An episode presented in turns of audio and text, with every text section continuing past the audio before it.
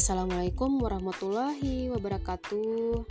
Alhamdulillah hari ini kita bertemu kembali di acara podcast aku bersama Gita Febrina. Hari ini kita akan berbicara tentang keberanian dakwah. Apa sih yang kalian ketahui tentang dakwah? Kalian jangan menggambarkan bahwa, bahwa dakwah itu merupakan sesuatu yang sulit. Tugas ulama atau ustadz-ustadz yang sering kita lihat di televisi. Dakwah artinya adalah menyampaikan. Ketika kita menyampaikan Islam, maka itulah yang disebut dengan dakwah. Nah, ternyata ketika kita ingin menyampaikan dakwah, itu perlu sebuah keberanian. Ya, dakwah mutlak butuh keberanian. Tanpa keberanian, pengaman dakwah bisa gugur di tengah jalan. Ini adalah sunatullah. Ini pula yang dialami para nabi dan rasul Allah, termasuk Rasulullah Shallallahu Alaihi Wasallam. Ketika mencapai puncak penindasan, Abu Talib, paman Nabi Muhammad Shallallahu Alaihi Wasallam, pernah membujuk beliau agar meninggalkan dakwahnya. Namun, apa jawaban beliau? Beliau berkata, "Wahai paman, demi Allah, andai mereka sanggup meletakkan matahari di sebelah kananku dan bulan di sebelah kiriku, agar aku mau meninggalkan urusan dakwah ini, aku tidak akan meninggalkannya sampai Allah memenangkan dakwah ini atau aku hancur karenanya." Ya, selama 20 tahun, selama 23 tahun beliau berdakwah beliau tidak pernah bergeser sedikit pun di jari di dalam jalan dakwah perjuangan beliau. Padahal beliau sering dihina, difitnah, diboikot, bahkan berulang diteror untuk dibunuh. Semua hanya karena dakwah. Beliau sangat paham itu loh. Sebabnya apa yang beliau yang beliau bawa yaitu Islam dan syariahnya sangat bertentangan dengan adat, tradisi, dan sistem yang berlaku saat itu. Ini pula yang dipahami oleh Warokah bin Naufal saat dia berkata kepada Nabi Muhammad, "Tidak ada seorang pun yang datang membawa kebenaran seperti yang kamu bawa, melainkan pasti akan dimusuhi." Hadis riwayat Al-Bukhari.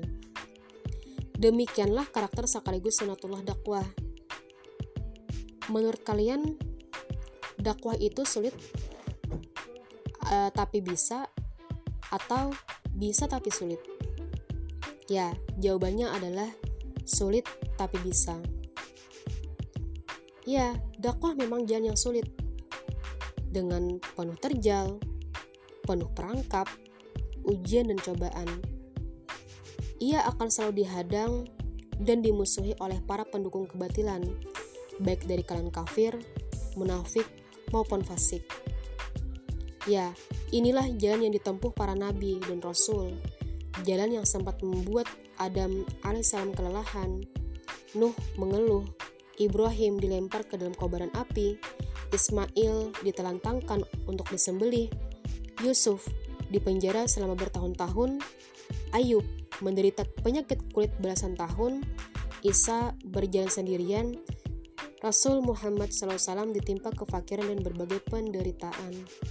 Ya, kesabaran dan keberanian itu mereka lakukan di jalan dakwah, lalu diteladani oleh para ulama. Mereka adalah pewaris para nabi. Karena itu, mereka pun di, pun dicap kali mewarisi penderitaan para nabi.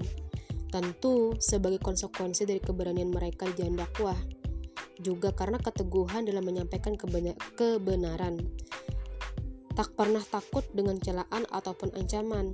Apa pun rela mereka korbankan, asalkan dakwah tersampaikan. Jiwa seperti inilah yang terus diwarisi oleh para ulama dari generasi ke generasi. Lalu, wahai engkau yang bergelar aktivis dakwah, sudahkah engkau menjadikan dakwah sebuah menjadi sebuah poros hidup? Ataukah hanya sebatas nama saja. Ya, kita perlu sebuah keberanian dakwah. Ya namanya dakwah pasti akan terus mendapatkan berbagai macam rintangan. Tapi, wahai saudari-saudariku, semangatlah karena orang yang terus berjuang di jalan Allah pasti akan mendapatkan berbagai macam pahala dan pastinya surga yang indah pada waktunya. Ya, pahala memang tidak bisa terlihat, tetapi apa yang engkau lakukan, apa yang engkau lakukan saat ini ketika engkau terus untuk mencari ridhonya Allah, Allah tidak akan pernah sedikit pun terlupakan dengan apa yang engkau lakukan saat ini. Ya, ingatlah surah Al-Imran ayat 110 ataupun 104. Itu yang akan menjadi menjadi motivasi kalian. Begitupun dengan diri saya. Ya, itulah pengemban dakwah. Semoga kita terus istiqomah dalam jalan dakwah. Lakukanlah dengan nilai apa pun cobaan yang terus menghadang. Saya cukupkan. Assalamualaikum warahmatullahi wabarakatuh.